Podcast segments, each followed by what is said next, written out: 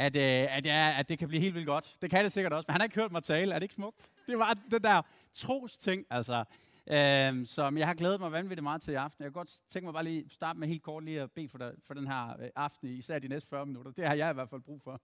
det har I også om 40 minutter. Nej, øh, 30 minutter. Men det er plus spørgsmål, har jeg hørt, så det kan godt ske, at jeg trækker den lidt, ikke? Øh, men øh, ja, herre, jeg takker dig for den her aften. Jeg takker dig for, at øh, jeg har fået mulighed for at få lov til at komme her og være sammen med en masse øh, smukke unge mennesker, der har livet foran sig. Øh, og jeg beder dig om, at du vil øh, tale igennem mig i aften, her. Tak fordi livet ikke handler om at være den bedste. Tak fordi livet ikke handler om at være perfekt. I modsætning til, hvad vi hører og tror, når vi læser sociale medier. Men tak fordi det bare handler om at gøre sit bedste her. Tak fordi det bare handler om at øh, bruge det, du har lagt ned hver enkelt af os her, Jesus. Det takker dig for.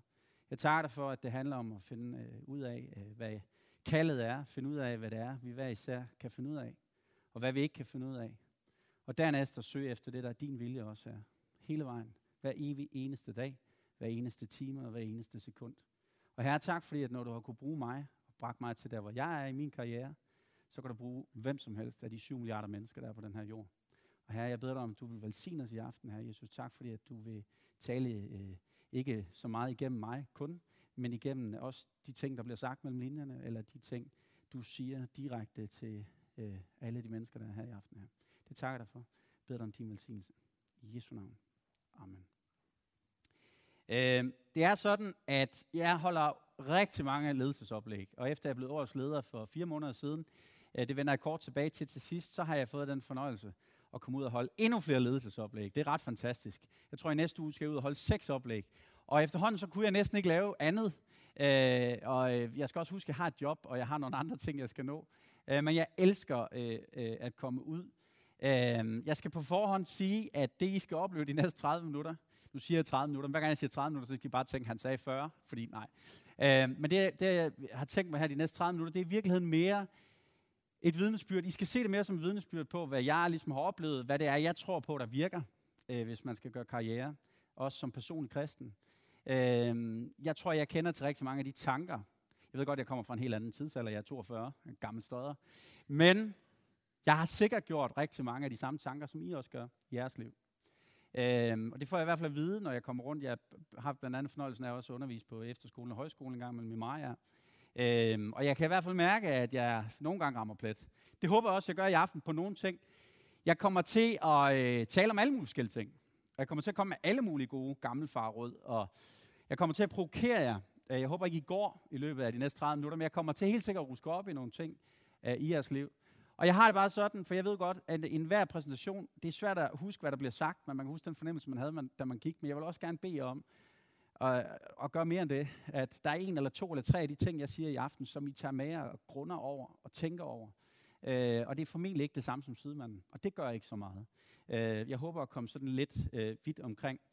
Øh, det er også sådan, når jeg kommer ud og holder øh, ledelsesoplæg, eller fortæller om musikkens hus, eller fortæller om værdier. Jeg har også glæden og fornøjelsen af at blive kaldt ud og fortælle lidt om mine værdier. Og I kan godt mærke allerede nu, så øh, jeg tror meget på don't tell it, show it, øh, i forhold til det at være en personlig kristen. Øh, det håber jeg også skinner lidt igennem det undervejs. Om ikke andet, så forsiden på den her præsentation, som jeg øh, bruger, også andre steder skal jeg sige, øh, den starter med alle venner, når en leder bliver bedre. Og øh, ja, det er Bill Hybels, så kan man mene om Bill Hybels, hvad man vil fra Willow Creek, men det der, det har han ret i.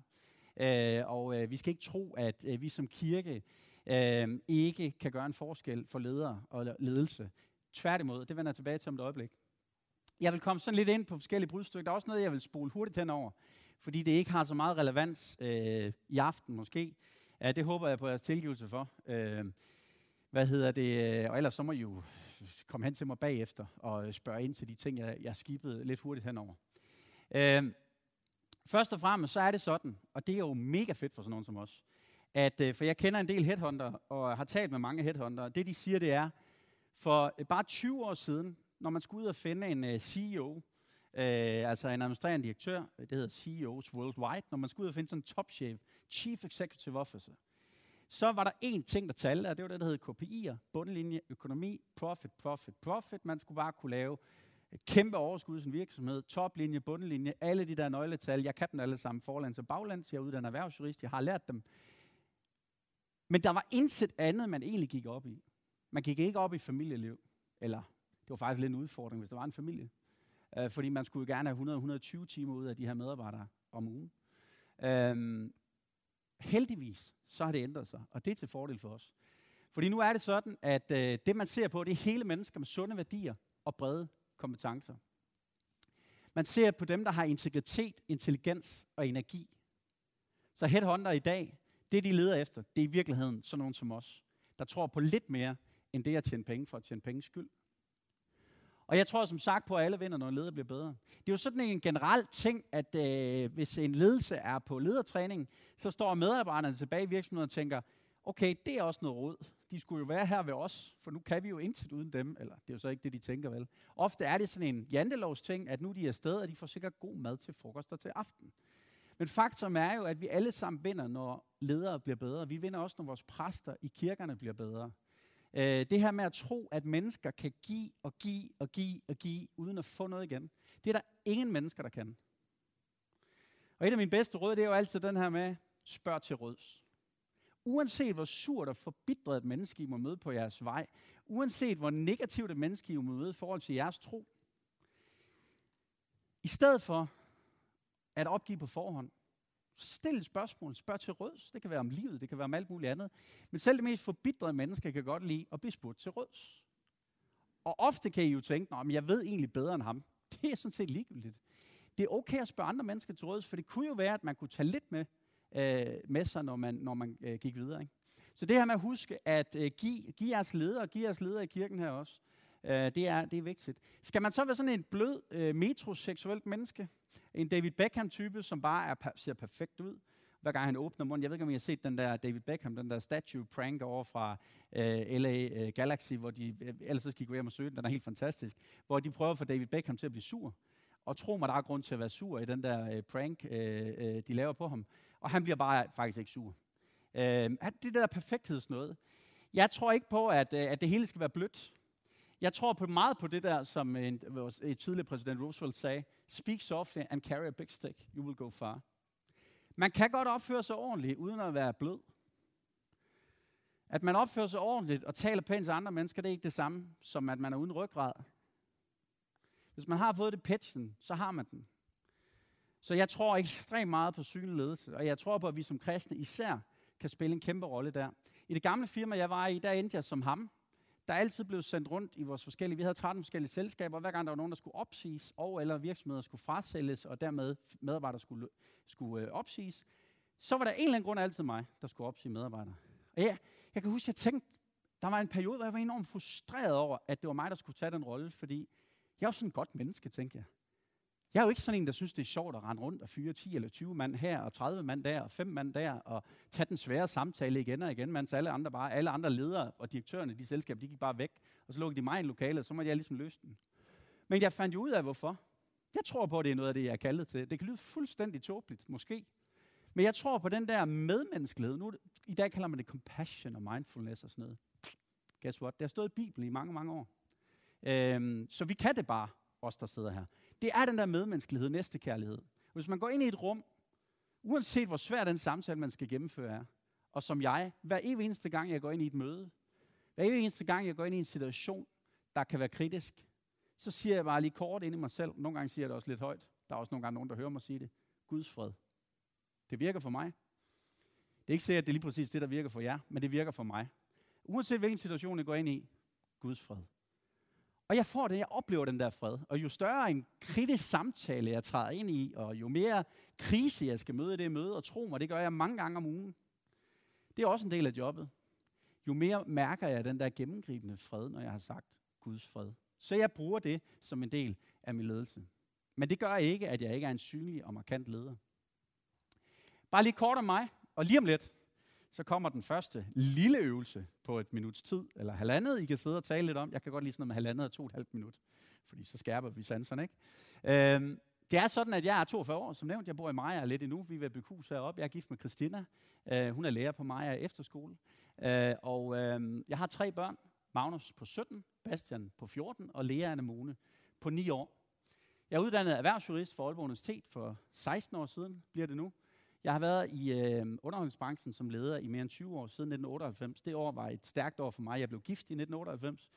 Jeg begyndte at læse på erhvervsjordstudiet i 1998, så jeg begyndte at arbejde professionelt i underholdningsbranchen i 1998. Det har også været nogle travle år. Øh, det kan jeg lige vende kort tilbage til. Øh, jeg er administrerende direktør for Musikens Hus. Jeg er også formand for Nordisk Koncerthusråd. Øh, det vender jeg også lidt tilbage til, helt, helt kort. Øh, men det bruger jeg faktisk ret meget tid på også. Og så har jeg otte andre øh, bestyrelsesposter og sådan tillidsværv og forskellige ting, øh, jeg arbejder med os. Så jeg får tiden til at gå. Jeg er født ind i det. Jeg er blevet båret med som 0, 0 år gammel, 0 dage gammel, 0 timer gammel nærmest, ind i, øh, i Pinsekirken. Pinsekirken. Øh, min morfar Harald Rik, han startede Maja Højskole i 1954-55. Jeg husker det ikke. Jeg var minus 21 år. Men det gjorde han. Jeg var minus 23, jeg kunne ikke regne der. Øh, og øh, min mor øh, var øh, jo på den måde også født ind i det. Øh, vi går tilbage, jeg tror, det er min tip og øh, øh, far, der var øh, en del af pinsevækkelsen, øh, pinsekirkerne. Så det er ligesom gået tilbage i generationer. Jeg er født ind i det. Jeg beklager. Det er ikke, jeg har ikke det der store vidnesbyrd om, at jeg var stiknarkoman og blev frelst for det. Øh, så jeg har også haft en privilegeret opvækst på mange måder. Men min far kom så ikke i kirken, for han stoppede med at komme i kirken på et tidspunkt. Mine forældre er stadigvæk sammen den dag i dag, hvilket på en eller anden måde er et mirakel. Øh, men, men, så jeg har jo også haft nogle udfordringer undervejs, men i bund og grund er det jo gået meget godt. Men jeg havde en ting, jeg tænkte meget over, da jeg var i jeres alder. Og det var, at øh, det der med kirke, det var jeg slet ikke i tvivl om. Det der med Gud, det var jeg faktisk ikke i tvivl om. Jeg havde de sædvanlige eksistentielle kriser, som teenager har. Øh, men jeg havde sådan en ting med, at jeg tænkte, at den tid, jeg brugte i kirken, det var ikke noget, der var fremmende for den karriere, jeg oplevede, at jeg var kaldet til at få. Jeg, jeg havde sådan en indbygget konflikt, der handlede om, at jeg elskede at være i kirken. Men jeg tænkte også, at jo mere jeg var i kirken, jo mere skulle jeg læse i bøger. Jo mere skulle jeg fag, et, øh, fagligt dygtiggøre mig. Jo mere skulle jeg øh, læse jura om natten. Sådan havde jeg det. Og jeg var ikke øh, 15 år. Jeg var jo 2-3-24 år. Jeg blev ved med i lang tid at tænke, at jeg skal bare læse hele pensum, fordi så øh, kompenserer for den tid, jeg bruger med Gud og i kirke. Det er jo helt, man kan jo sige, det er helt tosset. Men jeg kunne godt tænke mig, og det er mit første spørgsmål til jer. En lille øvelse på et minut, halvandet minut. Sid lige og tal med jeres sidemand om én ting, og det er, og nu siger jeg noget, det skal I ikke misforstå, men glem Gud. Hvis nu det her var en klub, det her det var en forening, der var ikke noget andet formål, end at vi skulle være sammen, det var også meget hyggeligt. Men vil I, det I gør i den her kirke, tror I, det vil øh, gavne jeres karriere? Vil det diskvalificere jeres karriere, eller er det bare ligegyldigt for jeres karriere? Prøv lige at lave den lille mærkelige øvelse, hvor vi faktisk lige parkerer Gud et øjeblik. Og så tænk over, om det her det er noget, der kvalificerer, diskvalificerer, eller det er ligegyldigt for jeres karriere. Et minut.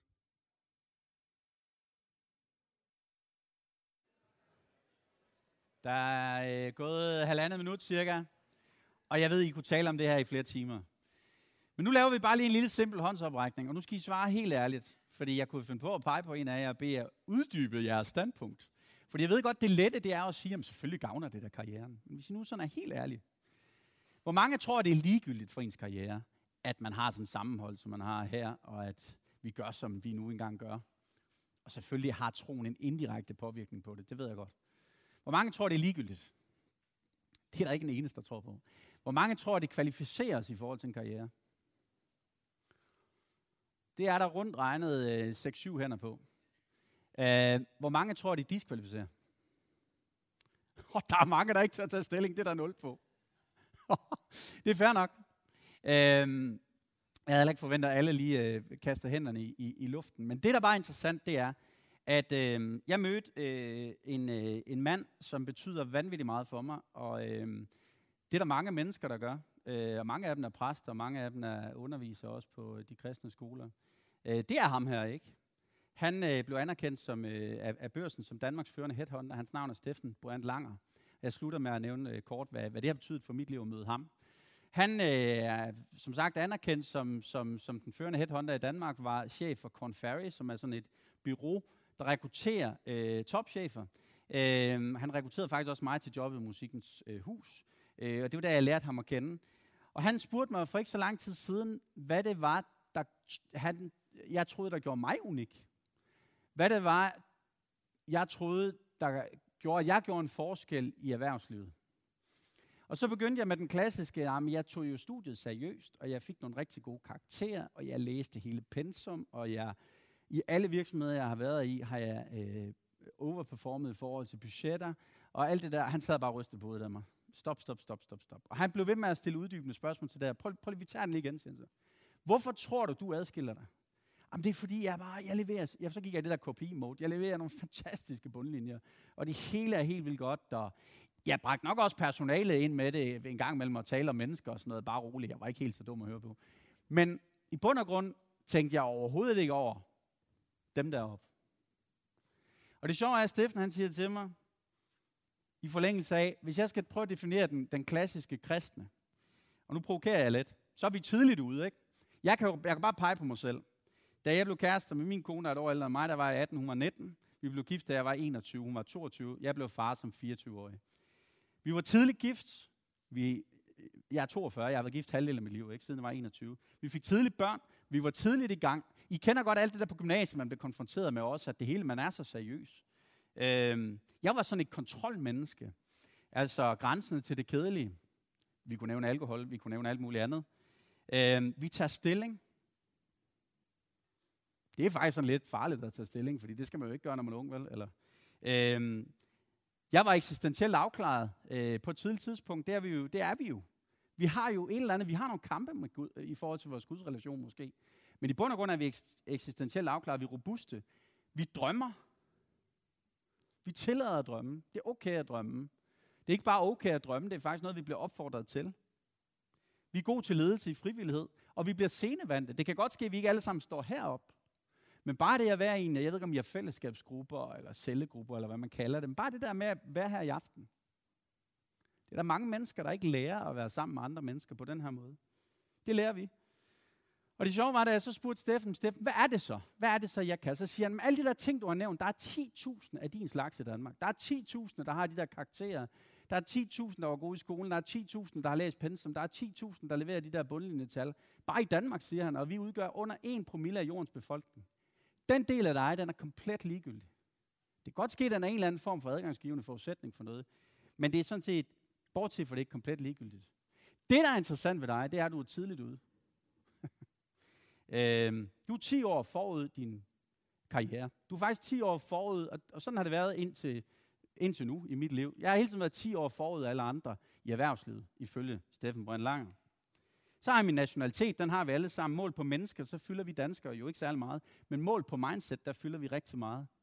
Så har jeg en work-life balance. Jeg har altid nægtet, uanset det kan godt ske. Jeg har haft perioder i mit liv. Jeg havde en periode på syv måneder, da vi åbnede Musikkens Hus, hvor jeg arbejdede mellem 90 og 100 øh, timer om ugen.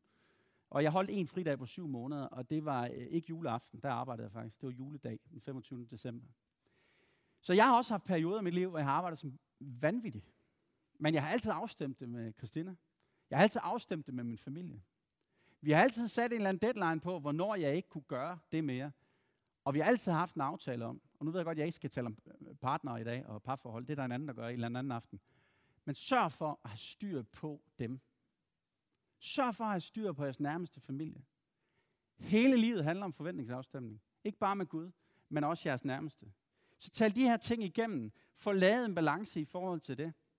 Og så nævner han, og det synes jeg er endnu mere interessant, tro og troskab. Som han sagde til mig, du blev gift med din kone, før du egentlig var blevet voksen. Og I er stadigvæk sammen. Og du vil sikkert sige, Lasse, at det handler om Gud.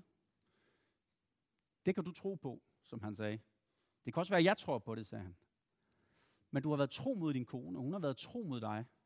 Og så fortsatte jeg med at, fortælle om, at man tror i det små, så skal der gives noget større og alt det øh, men, men, men hele den der eksistentielle afklaring, robusthed, gift som 21-årig, og at jeg er ordholden. Og det er en ting, jeg altid sætter, sætter højt, øh, at være ordholden. Familien er etableret og har tre halvvoksne børn. Jeg har, og så siger han, du har evnen til at drømme. Du drømmer jo hele tiden, Lasse. Det har jeg aldrig mødt hos sådan nogen som dig. I plejer bare at tale tal, og I plejer at tale øh, øh, ledelsessætninger, øh, øh, øh og, I, og alt hvad, jo, jo mere det er på engelsk, jo, jo finere er det. Og jo mere I citerer Platon, jo bedre er det, ikke? Altså, men du drømmer bare, Lasse. Øh, din evne til at kommunikere, siger han også. Og jeg har stået på en scene siden jeg var 5-6 år. Jeg var lovsomsleder i rigtig mange år, indtil jeg fandt ud af, at øh, det var ikke det, jeg egentlig skulle med mit liv. Og så fik min kone muligheden for at blive lovsomsleder, fordi der manglede en. Og så er hun 150 gange bedre, end jeg nogensinde har været. Det er jo også ret smukt, at det handler ikke om at gøre alting her i livet. Det handler om at gøre det, vi kalder til, og det, vi kan finde ud af. Ikke? Øhm, så det er mere for at sige, at det kvalificeres, så de 6-7 mennesker, der turde række hånden op, det er så rigtigt. Det kvalificeres. Så lad være med at gå og tænke, at det er en eller anden form for, øh, øh, hvad skal man sige, i forhold til jeres studier og jeres ambitioner, de er der har øh, ambitioner om at gøre karriere, at det diskvalificerer, og det er spild af tid. For den del af jer. På ingen måde. Det er måske der, I får den allerstærkeste ledertræning. Øh, nu bliver det ikke et reklameindslag for Musikkens Hus, men det er klart, I skal bare lige vide et par, et par nøgletal for det projekt, og så vil jeg gå ind i og fortælle om, hvad jeg tror på i forhold til guidance og ledelse, og hvordan man skal fokusere i forhold til at gøre karriere, også som kristen. Øh, bare lige helt kort. Øh, I har måske hørt, at Musikkens Hus er en succes. Øh, det skyldes blandt andet, at vores aktivitetsniveau det er 11 gange det, der var forventning for fem år siden. Uh, vores uh, indtægter for fundraising er 10 gange det, der var forventet. Uh, indtjening, restauranter, bar, fem gange forventning, og nu kan, I, nu kan I sidde og pege, men nu går der kopier i det. Så jeg skynder mig videre. Det er bare for at sige, det går godt. Og det gør det på grund af dem der, og det gør det på grund af de ting, vi tror på, at det handler om at kommunikere indad til og udad til. Det handler om at sætte det rigtige hold op, den rigtige organisation, og putte det rigtige i hovederne på os alle sammen. Jeg har 170 medarbejdere øh, i dag. Da jeg blev ansat for syv år siden, der var der en, det var mig. Øh, så vi er, vi er gået fra at være mig til at være 170 medarbejdere. Det er også en meget interessant øh, ledelsesrejse, som vi så ikke skal komme nærmere ind på lige nu. Til gengæld synes jeg, det der er interessant. Fordi alle ledelsesteorier og teoretikere i dag, de bruger ufattelig meget tid på at tale om compassion og mindfulness. Og i bund og grund er det bare et spørgsmål om næste kærlighed. Bare, kan man sige. Men det er alt det der, vi tror på at vokse op med. Og så er jeg fra Randers oprindeligt, så jeg har lige skrevet trukkeren på der. Bare sådan ligesom for at sige det, som det hedder i Randers. Og min pointe med det, det er, at man kan jo tro nok så meget på det der, også i vores eget liv. Vi kan jo tro nok så meget, øh, drømme nok så meget, og, og, øh, og sige, at vi vil være der og der om 10 og 20 år. Men der er også bare nogle grundlæggende ting, vi ikke må glemme. Ordentligheden. Vær til stede. Ikke glemme os venner. Vær tro i det små. Alle de der ting, vi hurtigt kan glemme, fordi vi tror, det er spild af tid. Ligesom her, man skal have styr på, at dem ude på lageret af Leif og Bent, de skal have deres nye truks. For hvis de har bedt om dem i fire år, så nytter det jo et fedt, at chefen står og taler om, at vi skal, være, vi skal tro på compassion og mindfulness, og vi skal gå den vej. Så også i forhold til, når I kommer ud og gør karriere, så husk altid på, at man er aldrig nogensinde stærkere som menneske, og i den karriere, man er i, uden at have styr på sine medmennesker. Så den der, man får ikke en øh, vedløbshest ud af en gris, man får maksimalt en hurtig gris. Det er et af mine yndlingscitater. Der er desværre ikke navn på, hvem der har sagt det, men jeg synes, det holder max. Jeg synes, det er fantastisk. Og hele tesen i det der, og det kunne jeg tale om flere timer, og det har jeg ikke tid til, men det er, det er så let at gå den vej, som vi har fået at vide, vi skal gå. Jeg skal nok lade være med at give X-Factor-deltagere øh, som et eksempel, men altså, der er mange X-Factor-deltagere, hvor deres forældre måske burde have sagt til dem, du kan ikke synge frem for at sige, du synger fantastisk. Så var vi gået glip af mange, der ikke kunne synge, heldigvis. Nej, men det er jo det her med at fokusere på, hvad jeg kan og hvad jeg ikke kan. Og i dag der er det jo blevet sådan på grund af de sociale medier, på grund af de sociale medier, som jo bare er en ting, og det er antisociale. Øh, der har de jo fået, der, der, det, det, det, det hele er blevet sådan en perfekthedskultur. Vi skal alle sammen bare være bedst til alt. Og jeg skal garantere for, at der er rigtig, rigtig mange ting, jeg er ufattelig ringe til og helt umulig til. Der er så mange ting, hvor jeg bare kan se på mine teenagebørn på 17 og 14, og min datter på 9 år, endda min datter på 9 år, sige, hun er meget sejere, end jeg nogensinde var som 20-årig. I har alle kvalifikationer i orden og kompetencer. I har al mulighed for at tilegne jer meget mere viden, end jeg havde for 20 år siden. Verden, den står, det er ikke bare noget, vi siger, verden står åben for jeres fødder. Der er intet, der kan stoppe jer. Men I bliver nødt til at forlige jer med, at det ikke er alt her i verden, I kan finde ud af. Der er en hel masse ting, I ikke kan finde ud af. Og jeg vil anbefale, at I tager et stykke papir frem en gang imellem, for man skal gøre det en gang imellem. To sider papir. På den ene, der skriver det, I ikke kan finde ud af, og på den anden side skriver det, I kan finde ud af. Fordi det er nok blandt det, I kan finde ud af, I er kaldet. Det er nok der, I skal søge hen og så finde ud af, hvad er det også, der giver jer energi? Hvor er det, I oplever Guds kald over jeres liv? Og så fokusere på det. Og så griner den liste, hvor der står, at vi ikke kan finde ud af, fordi det er da fuldstændig ligegyldigt. I er skabt hver især unikt i Guds billede. Til at kunne lige præcis det, I kan. Og til ikke at kunne det, I ikke kan. Og det er helt okay. Øhm, det er så vigtigt, at man finder ud af, hvor det er, man kan blive medlemshest. Fordi så skal man ikke kompensere for alt det, man ikke kan resten af livet. Så det er også øh, en, en ting. Og så er det okay at begå fejl, apropos perfekthedskulturen. Det er jo efterhånden sådan, at vi tror, at vi ikke må lave fejl mere. Hvorfor er det IT-branchen og Silicon Valley, det fungerer? Det er fordi, de er måske efterhånden den eneste branche, der tør sende produkter på markedet, der aldrig nogensinde er færdige. De sender beta-produkter på markedet. Så dem, vi ser hen på og siger, det mest succesfulde, og de er jo milliarder af dollars værd, og så videre, og så videre, det er faktisk dem, der har gjort op med den der perfekthedskultur og sagt, men prøv at høre, den eneste måde, vi kan gøre det godt på, det er ved at bare fejle. I al offentlighed. Så de går ud med beta-versioner. Hvor kunne det være skønt, hvis vi var nogle flere mennesker, der gik ud og var en beta-version af os selv, og bare prøvede noget af. Det ville da være befriende. Vi har så travlt med, især i det her land, at når nogen de fejler, så skal vi bore i det, og vi skal gerne bore to eller tre gange i det, og vi skal blive ved, på trods af, at det menneske, der har fejlet, ganske udmærket godt selv ved, at personen har fejlet. Og i virkeligheden bare evner og gerne vil hurtigt videre. Så bare husk, livet handler om at fejle os. Der, I kommer til at begå så mange fejl, og det bliver I bare nødt til at indstille jer på, at det er en del af livet. Carol Bartz har sagt det der. Hun var øh, CEO for Yahoo. Hun var måske en af de største kvindelige ledere i USA i sin tid, eller på det, på det tidspunkt. Hun sagde det der. Det er simpelthen hendes grundsætning, fail fast forward.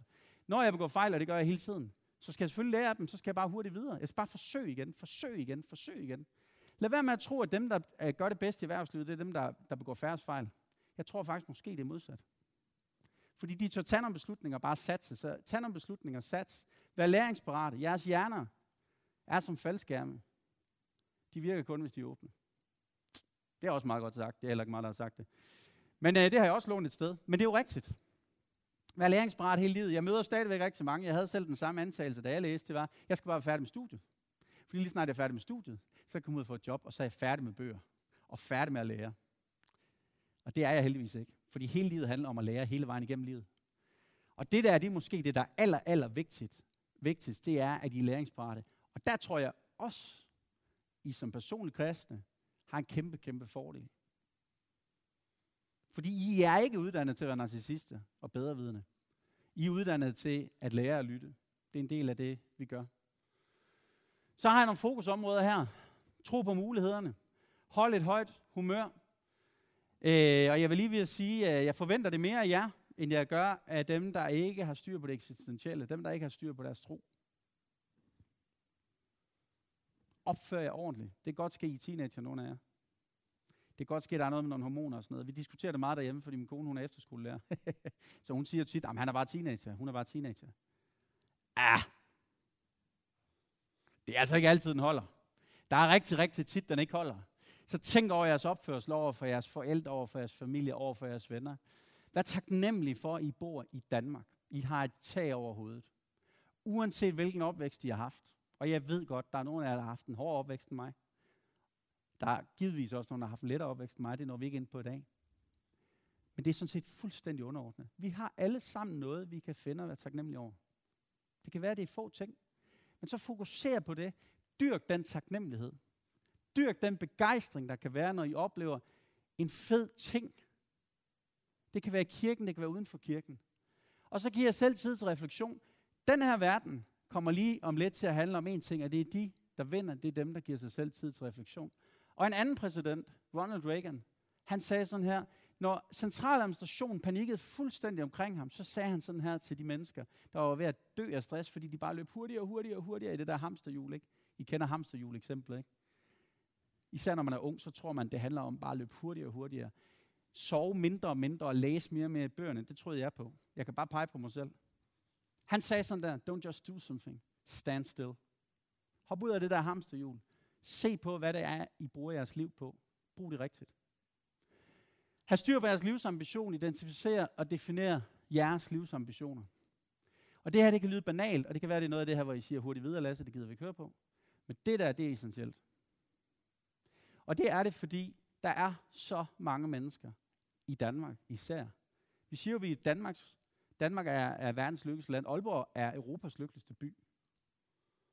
Det er helt klart også en af de byer i Europa, hvor der per indbygger bliver givet flest lykkepiller, og der bliver medicineret mest mod ulykke. Så nogle gange tænker jeg, men er det sand lykke? Og jeg kender ikke tallene for Aalborg. Det er bare, det, det er bare for at sige, sådan er det bare, også i Skandinavien. Jo rigere vi bliver, jo mere spiser vi lykkepiller, jo mere spiser vi medicin for at gøre os lykkeligere. Så spørgsmålet er, hvad er det, der gør os lykkelige? Og jeg tror, problemet er, at der er alt for få, der har styr på, hvad er det egentlig, der er deres livsambition. Og så sker der det, at de mindste skuld, det bliver til tsunamier, hvis I kan følge eksemplet. Når man møder en lille modgang i livet, så vælter det ind over en som en flodbølge, og man kan slet ikke overskue situationen. Derfor have styr på den del. Så bliver der talt meget om talent. Uh, jeg tror ikke en pind på det. Så er det sagt. Det er fint nok at være talentfuld. Jeg har en søn, der er talentfuld øh, keeper, målmand, spiller elite i Hobro, uh, har de sidste, den sidste uge trænet med Superligaen og sådan noget. Han er 17 år. Det synes jeg, der er mega sejt. Det handler ikke en pind om talent. Det handler om, om han vil det eller ej. Det handler lige præcis om det her. Hvad er vi parat til at ofre af tid på det her? Og nu gør det lidt ondt. Fordi jeg synes jo, ungdom nu til dags er helt fantastisk. Folk de tror altid, at oh, nu siger han, at han synes, de er idioter. Helt fantastisk. Når jeg ser på jer, I kan vælte verden. Jeg tror, at den eneste ting, hvor jeg kan blive lidt bekymret, det er, at I er vokset op og har fået at vide i en lille generation, så I, øh, der er brug for jer. I får jobs. I kan sådan set nærmest gå ind i verden med lukkede øjne, og så får I en direktørstilling. Det er sådan efterhånden lidt det, man sådan hører. Og kære venner, sådan er det ikke. Der er en, og nu citerer jeg igen, og jeg ved ikke, hvem det er, der har sagt, at man bliver øh, kun en øh, succes over natten efter 10 års benhårdt arbejde. Og det er rigtigt. Så nu får jeg lige to minutter til at sidde og tale sammen to og to om, hvor meget I egentlig er parat til at gøre for jeres karriere. Og nu skal I huske, jeg forventer jo ikke, at alle, der sidder her, I er lige så tosset, som jeg er, at jeg som 15-årig vidste, hvad jeg ville som 35-årig og sådan noget. Det, det, der er jeg et mærkeligt menneske. Og det er helt okay at sige, at jeg vil egentlig bare gerne øh, være medhjælpende mand til min øh, hustru, der er landmand. Eller er whatever. Det er helt okay. Men prøv lige at tage den der lille øvelse. Hvor meget er I egentlig parat til at investere? To minutter.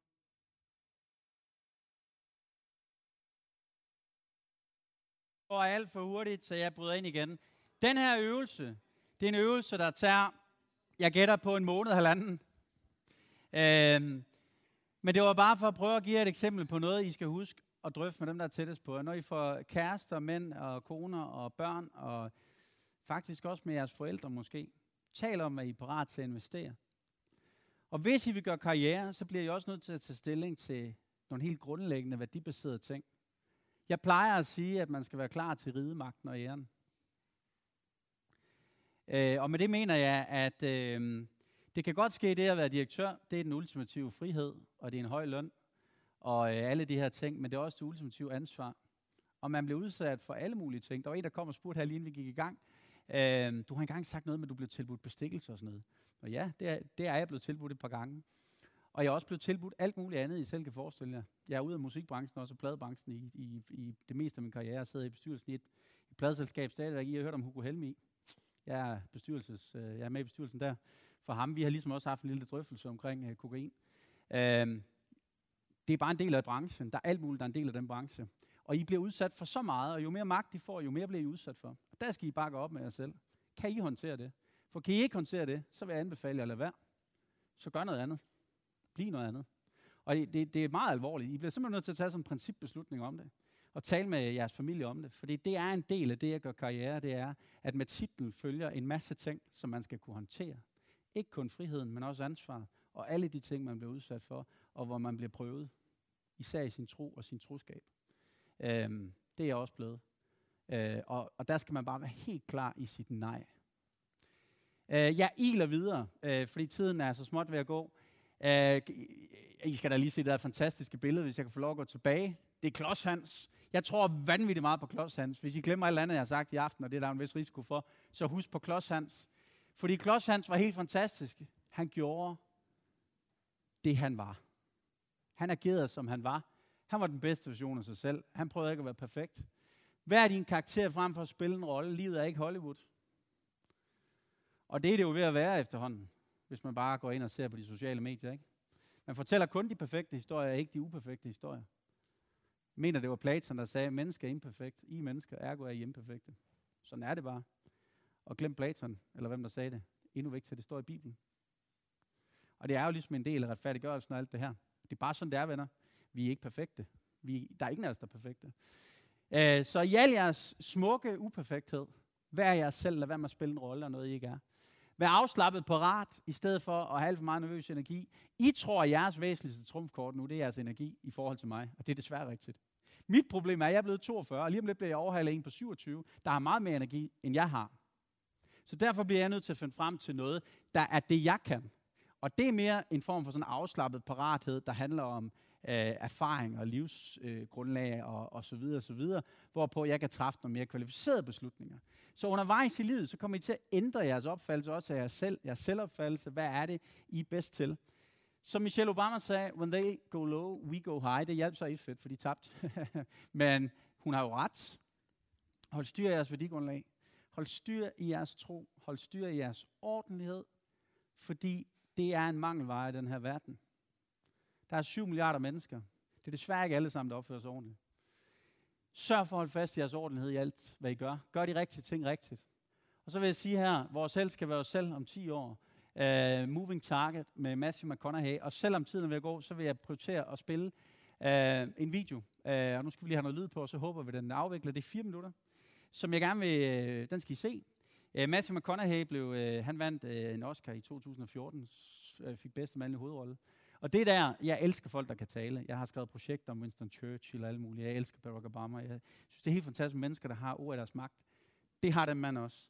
Han går op, og så nailer han den mest fantastiske tale om, hvordan man egentlig får succes her i livet. Uh, og den synes jeg, I skal høre. Og Gud, han er også en del af den.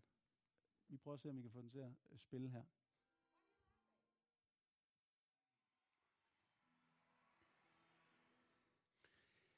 Uh, det er, det er rimelig cool, det der, når I kommer, når vi, vi tager ikke øvelsen nu, men lov mig, fordi tiden går, og lige om lidt, så bliver jeg smidt ned af scenen, og jeg skal lige hurtigt lige Pecha slide igennem, øh, det er sådan noget 5 sekunders per slide, igennem de sidste slides her.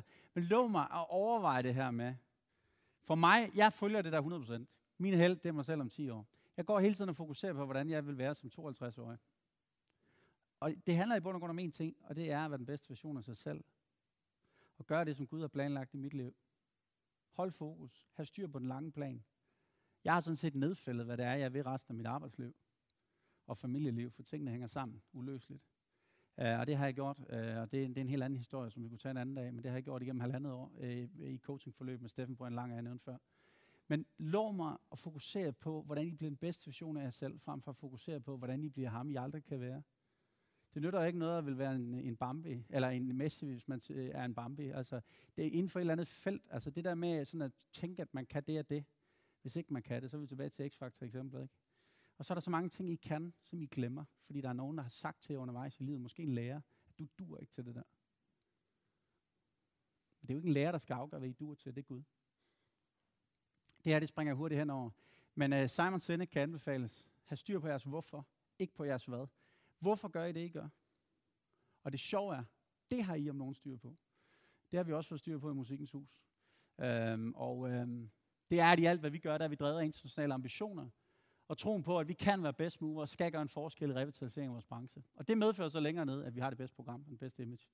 Øhm, vi holder styr på, øh, på de store ting. Vi vil være skandinavisk markedsleder blandt eksklusive musikvenues. Profilmæssigt, imagemæssigt, åndeligt og kommercielt. Det har vi opnået faktisk på fem år. Vores kolleger, de er 150 år, mange af dem. Det er også derfor, jeg er blevet valgt som formand i Nordisk Koncerthusråd. Lov mig drøm. Lad være med at lytte til dem, der siger, at det kan ikke, det kan ikke lade sig gøre. Man kan ikke bygge et hus til 1,2 milliarder i Aalborg og tro, det bliver en succes. Det bliver en bravende fiasko. Hvem siger det? Spring nu ud i det og tro på det. Øh, lad være med at lade stoppe af, hvad, hvad mennesker siger. Fordi der er som regel altid en grund til det. Det der springer vi henover. Det er, øh, det er en, det er en, øh, vi er 16 medlemmer af de 16 koncerthus, øh, væsentligste koncerthus i Norden. Jeg har den store øh, fornøjelse af formand. Øh, øh, vi har bygninger for 13 milliarder, har en omsætning på over en milliard. Det er meget i kulturbranchen. Det er rigtig, rigtig, rigtig meget. Og vi har det rigtig, rigtig godt sammen. Og øh, jeg tror heller ikke, der er nogen der, der, der ikke ved, at jeg er en personlig kristen, vil jeg sige. The sky is the limit. Tro på det. Målsætninger er drømme med deadlines. Jeg tror, jeg har talt meget om drømme i dag. Der er direkte sammenlignelighed. Altså, I kan rykke det direkte over på målsætninger. Det der med at tro, at målsætninger er et eller andet, der står i en lærebog ude på universitetet. Det er ikke mere kompliceret end det der. Drøm. Sæt nogle deadlines på det. Så tror jeg, jeg er ved at øh, kunne frigøre jer. Det der, det var det, jeg lige nævnte. Jeg har været igennem forløb med ham der. Der er et billede af ham. Uh, det han siger, det er, når du har gjort det godt, så er det tid til at gøre det bedre. Chasing, chasing, chasing, chasing, chasing. Ellers så går I i stå. I skal jagte en bedre version af jer selv. Jeg er blevet forvandlet, forankret og afklaret i det der forløb. Også jobmæssigt. Um, jeg er gået fra en masse nervøs energi til at være afslappet parat. Jeg har fået et styrende princip i mit liv, der hedder fritid. Ikke fritid, men fri tid. Og det kan I øh, også tænke lidt over. Hvornår er det, I skaber værdi? Er det, når I løber hurtigere i hamsterhjulet? Eller er det, når I eksempelvis læser jeres bibel? Eller tager jeg et menneske, som måske ikke har det særlig godt? Hvor skaber jeg mest værdi? Skaber jeg mest værdi, når I sidder og spiller på en computer? Eller når I hjælper et andet menneske, der har det skidt? Det er jo svar, der giver sig selv, ikke? Men I bliver nødt til at træffe en beslutning om at bruge jeres fritid rigtigt. Tro på den tredje vej, kompromis. Øhm, og det gør, at jeg har fået en livsambition, som, som handler om at gå fra at være driftsmand til at være mindsetter. Jeg ser mig selv som mindsetter. Øh, prøver at få mennesker til at tro mere på sig selv. Øh, jeg tror, det er der, jeg gør en, en forskel, også i den virksomhed, jeg er i. Og det er en livslang ambition. Øh, og jeg tror, det var en af grundene til, at det er så det sidste billede, at jeg blev årets leder. Øh, og det var ret interessant. Øh, 17 år lederne uddelte øh, den pris, og, øh, og den er altid gået til sådan nogle øh, CEOs øh, fra børsnoterede C20-virksomheder, øh, der får 50-60 millioner om året i løn. Det gør jeg ikke, det kan jeg hilse at sige. Øh, den er altid gået til sådan nogle øh, KPI-drenge, sådan noget med slipset helt om i nakken, øh, som kun er fokuseret på bundlinjer og penge og penge og penge og penge og penge. Øh, og det interessante var i år, var der fokus på compassion og mindfulness. Og det havde egentlig ikke noget med, hvem der blev årets leder at gøre. Men det har været interessant at se alt det, der er sket efter det, alle de ting, jeg blev kaldt ud til, som i virkeligheden handler om. Og det, jeg bliver kaldt ud og fortælle om, det er, hvorfor jeg tror på mennesker, og min medmenneskelighed, og min tro. Øhm, så jeg har muligheden for at vise det, ikke bare fortælle det.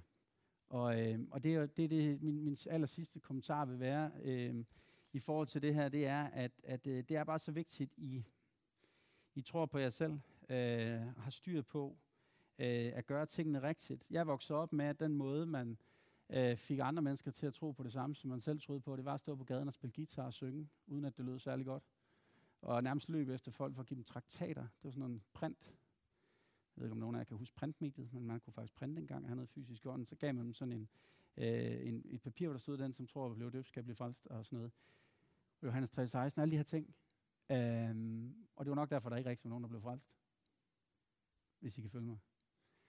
Det er jo ikke det, folk har brug for at blive, for et eller andet mas ned i halsen. Folk de har brug for at møde det i hverdagen.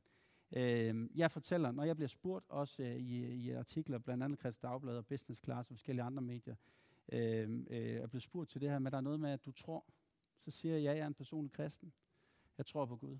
Jeg er ikke et sekund i tvivl. Og så siger jeg egentlig ikke så meget mere, fordi så begynder de at spørge lidt mere ind til det, og så taler vi lidt om det. Øh, så alle ved det, men jeg lader dem som regel spørge først. Og jeg hviler i, at jeg er, hvor jeg skal være. Og øh, jeg får profetier. Og det er blevet sådan, når jeg får profetier øh, fra øh, kristne venner i mit netværk, så øh, ofte handler de faktisk også om økonomi. Det er ret interessant. Og så er det blevet som min CFO, min økonomichef, som absolut, øh, det kan man jo ikke sige, han øh, er ikke umiddelbart personlig kristen og troende. Og han, går, han ved bare, at jeg kommer ind med og så siger, Nå, men nu har jeg, jeg har lige fået en ledelsesberetning opfra, så nu skal du lige øh, se her, hvordan, øh, hvad, hvad vi skal gøre det næste halvår. Og så griner vi lidt af det. Men han ved jo godt, at jeg mener det. Og jeg tror på det der. Og det er blevet sådan i, øh, i vores virksomhed, at, at der er blevet sådan en saying, der hedder, hvad siger Lasses mavefornemmelse? Og, og med det mener folk, hvad, der, de ved godt, at jeg har en eller anden forbindelse op. Altså, når de siger Lasses mavefornemmelse, så, så handler det om, hvad siger, hvad siger Gud til Lasse? Og det er der mange af dem, de har også indrømmet det. Jamen, vi ved jo godt, det er fordi, du har et eller andet link der. Og nogle gange, så bliver vi jo nødt til lige at høre, vi skal vi vil lige være sikre på, at du har styr på din mavefornemmelse. Øhm, så, så de der små ting, find ud af, hvad der virker for jer.